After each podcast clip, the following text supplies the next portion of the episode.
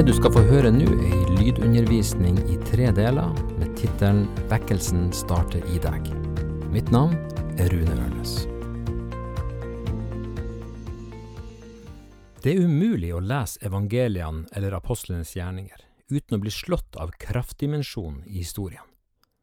Guds rike baner seg vei ved tydelig forkynnelse og sterke demonstrasjoner av Guds kraft. Som disipler av Jesus skulle dette være en del av vår daglige vandring. Jesus sa jo, disse tegn skal følge dem som tror. Samtidig som Jesus sto i sin tjeneste, startet han en imponerende rekruttering. Snart var tolv menn på plass, og i kapittel ni i Lukasevangeliet kan vi lese om hvordan han første gang sendte de ut på egen hånd. Han kalte de sammen, og han ga de myndighet over alle onde ånder og makt til å helbrede syke. Så sa han at de ikke skulle ta noe med seg. Det var jo selvfølgelig essensielt dette med kraft i møte med åndskrefter og sykdom, men hvorfor poengterte han at de ikke skulle ha noen ting med seg? Ville det vært ei utfordring dersom de hadde med seg en koffert med toalettmappe, ekstra klær og kanskje penger til mat? Hva var poenget til Jesus? Var det kun det at de skulle erfare at Jesus ville ta vare på dem og dekke alle deres behov? Ja, det var nok det, men jeg tror også det var fordi at de ikke skulle ha noe annet å tilby enn Jesus. De hadde ingen penger, de hadde ingen ekstra kappe, ingen sårsalve, Paracet eller hostesaft, de hadde bare Jesus å by på. Ryggmargsrefleksen hos oss er å dekke behov med våre menneskelige ressurser. Men når det ikke er et alternativ, blir vi tvunget til å sette vår lit til det usynlige, til en inngripen fra Gud. Det virka nesten ikke som de hadde tilgang til profetisk gave eller kunnskapsord engang. De hadde kun proklamasjon av Guds rike og makt over åndskrefter og sykdommer. I møte med ufrelste leter jeg febrilsk etter alternative veier. Jeg vil gjerne starte med å varme de litt opp, vise litt nestekjærlighet. Kanskje hjelpe de med noe praktisk, spandere lunsj på en kafé. Demonstrere for en kul gjeng jeg er en del av viser de at jeg er humoristisk, samtidig som jeg er like trivelig som en trønder. Og når alt det er på plass, så begynner jeg forsiktig å nærme meg temaet Gud. Problemet da er at da kan det ha gått dager, uker, måneder og år, og hvis jeg skal bruke en evighet på relasjonsbygginga, er det ikke sikkert jeg noen gang kommer fram til formidling av Guds rike. De utsendte disiplene hadde bare to enkle ting proklamasjon av Guds rike og demonstrasjon av Guds makt. Proklamasjon og demonstrasjon. Hva var da resultatet? Jo, i Lukas 9 vers 6 så leser vi Så dro de ut og gikk fra landsby til landsby, og overalt forkynte de det gode budskapet og helbredet syke. Nå var det plutselig tolv menn som satte mennesker fri fra fiendens velde. Kapittelet etterpå leser vi at han sendte ut enda en gang. Denne gangen var de 72 personer, og frukta var den samme som Jesus hadde, og deretter også de tolv hadde. Ja, det var riket blei forkynt, mennesker blei helbreda, og demoner måtte fly. Denne gangen leser vi at de kom glad tilbake med den erfaringa av at onde ånder var lydige mot Jesu navn. Da svarer Jesus blant annet, ja, jeg har gitt dere makt til å tråkke på slanger og skorpioner, og makt over alt fiendens velde. Ingenting skal skade dere. Men så avslutta han med en viktig presisering. Gleden vår skal ligge i at vi sjøl har fått navnene våre skrevet inn i himmelen. Sånn som jeg sa i forrige undervisning, så tjener ikke vi for å gjøre oss fortjent til Guds velsignelse. Men startpunktet er at vi har Guds velsignelse. Han er fornøyd med oss, og navnene våre er skrevet inn i himmelen. Fremfor alt skal vi glede oss over det, og så skal vi være lydige, trofaste i tjenesten i det å la andre møte himmelriket. Helt på tampen av sin tjeneste, etter sin død og oppstandelse, ser vi at Jesus gir oppdraget videre. Her er sånn som det er beskrevet i Markus 16, vers 15–20. Og han sa til dem, Gå ut i hele verden og forkynn evangeliet for alt som Gud har skapt. Den som tror og blir døpt, skal bli frelst men den som ikke tror, skal bli fordømt. Og disse tegnene skal følge dem som tror. I mitt navn skal de drive ut onde ånder, de skal tale nye tungemål, og de skal ta slanger i hendene. Om de drikker dødelig gift, skal det ikke skade dem, og når de legger hendene på syke, skal de bli friske. Etter at Herren Jesus hadde talt med dem, ble han tatt opp til himmelen og satte seg ved Guds høyre hånd. Men de gikk ut og forkynte overalt, og Herren virket med og stadfestet ordet gjennom de tegn som fulgte. Dette er altså ikke første gangen Jesus sender disiplene ut, men legg merke til følgende lille endring. I misjonsbefalinga snakka nå Jesus om at de skulle forkynne evangeliet. Tidligere, da han sendte ut de tolv, var det at de skulle proklamere Guds rike. Er det noe forskjell på det, da? Nei, ikke egentlig, men nå er Jesu død og oppstandelse et faktum, og evangeliet om Jesu forsoningsdød kan formidles med en helt annen tyngde. Nå formidles ikke bare frihet og helbredelse. Nå er det frihet, helbredelse, frelse og evig liv. For så høyt har Gud elsket verden, at han ga sin sønn, den enbårne, for at hver den som tror på han, ikke skal gå fortapt, men ha evig liv. I tillegg er det kommet inn et nytt element, sammenlignet med da Jesus sendte ut de tolv og de 72. De som trodde forkynnelsen, skulle bli døpt. Ikke til en proselyttdåp der en går fra å være hedning til å bli jøde. Heller ikke en omvendelsesdåp, sånn som med Johannes. De som kommer til tru og omvendelse, de skulle bli døpt til Jesus Kristus, til hans død og til hans oppstandelse. Så på en måte kan vi nå dele det inn i tre forskjellige elementer. Forkynn evangeliet, la Herren stadfeste forkynnelsen, og døp de som tror. Vi må altså forkynne evangeliet. Vi må forkynne et klart og tydelig budskap. Hvis vi deler noen ting som er utvanna og dvaskt, har ikke Herren sjøl noe å stadfeste. Husk de siste versene i Markus, der står det Og Herren virket med og stadfestet ordet gjennom de tegn som fulgte. Hvis det vi forkynner mangler salt og kraft, hvorfor skulle Herren bry seg om å stadfeste det? Evangeliet skulle forkynnes. Hva er da evangeliet? Jo, det er ganske enkelt, hvis vi siterer Paulus, det han skriver i første Korinterbrev kapittel 15 vers 3. Der står det at Kristus døde for våre synder etter Skriftene, at han ble begravet, at han sto opp den tredje dagen etter Skriftene, og at han viser seg for Kefas og deretter for de tolv. Vi må forkynne en levende Gud. Vi må forkynne synd og nåde. Vi må fortelle om rettferdiggjørelsen ved Jesu blod. Vi må tørre å snakke om evig dom. Vi må faktisk være rede til å snakke om to utganger av livet. Hvorfor det?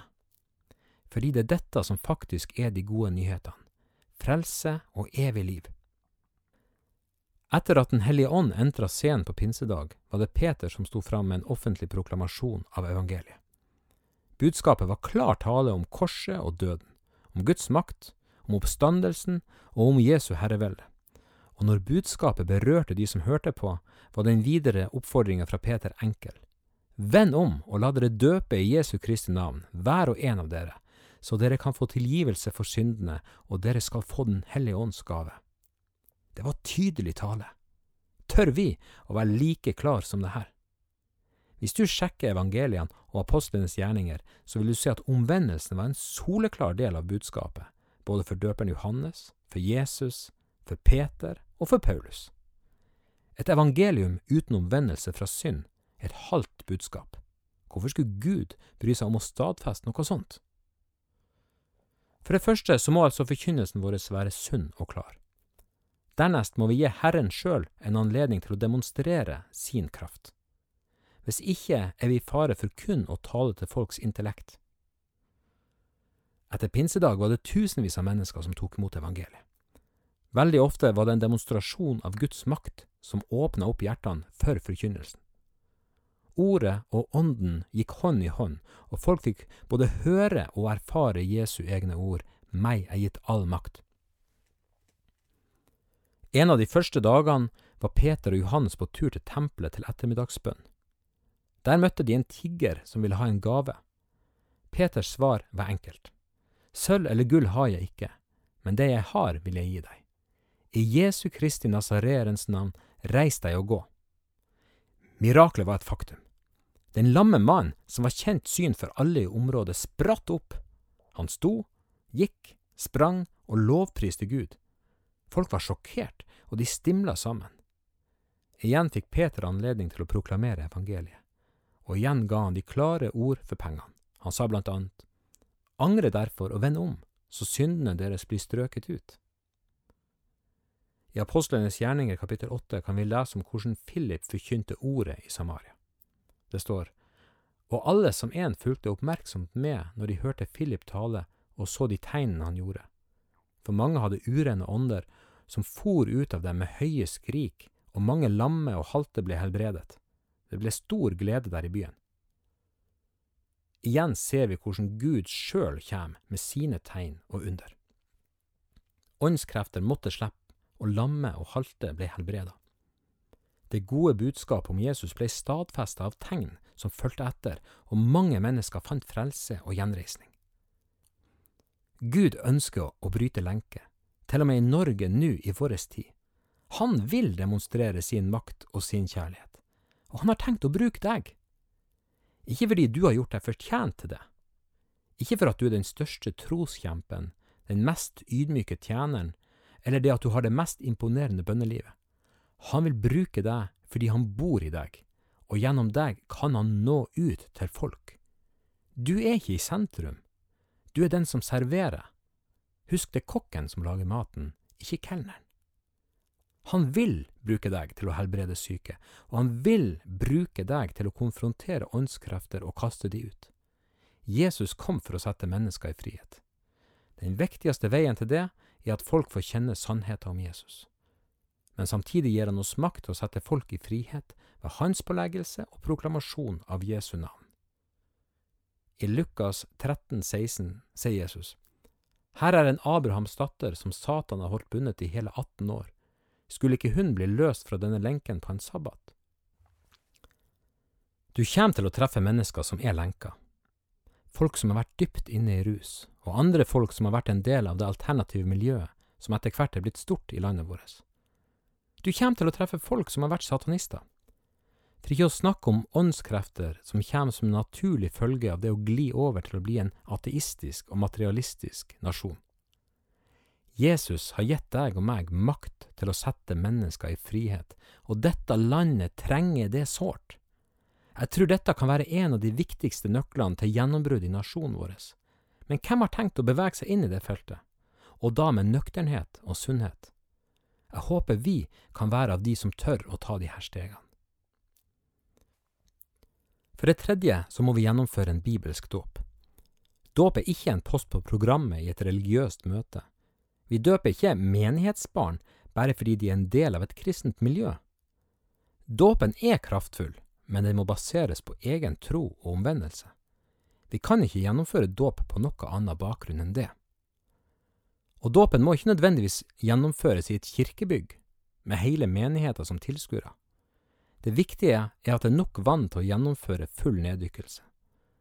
Og så skal det gjøres av noen som er moden nok til å sjekke om tro og omvendelse er på plass, og samtidig ved bønn og håndspåleggelse sette mennesker i frihet, og ikke minst sørge for at de kommer ut av dåpsvannet med en fylde av Den hellige ånd. Etter hendelsene i Samaria så ble Philip ført ut i ødemarka. Der ledet Den hellige ånd ham til den etiopiske hoffmannen, og Philip delte frimodig evangeliet om Jesus. Hoffmannen var overbevist og avbrøt plutselig Philip og sa, Se, her er vann, vær til hinder for at jeg kan bli døpt.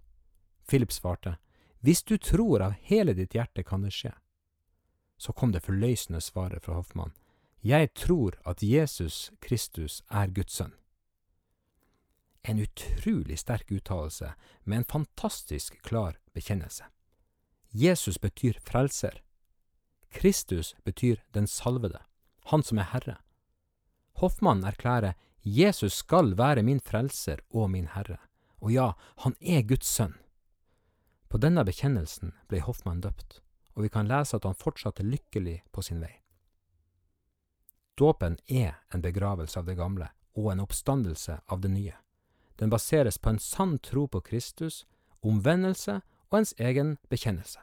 Hvis ikke er det ikke dåp.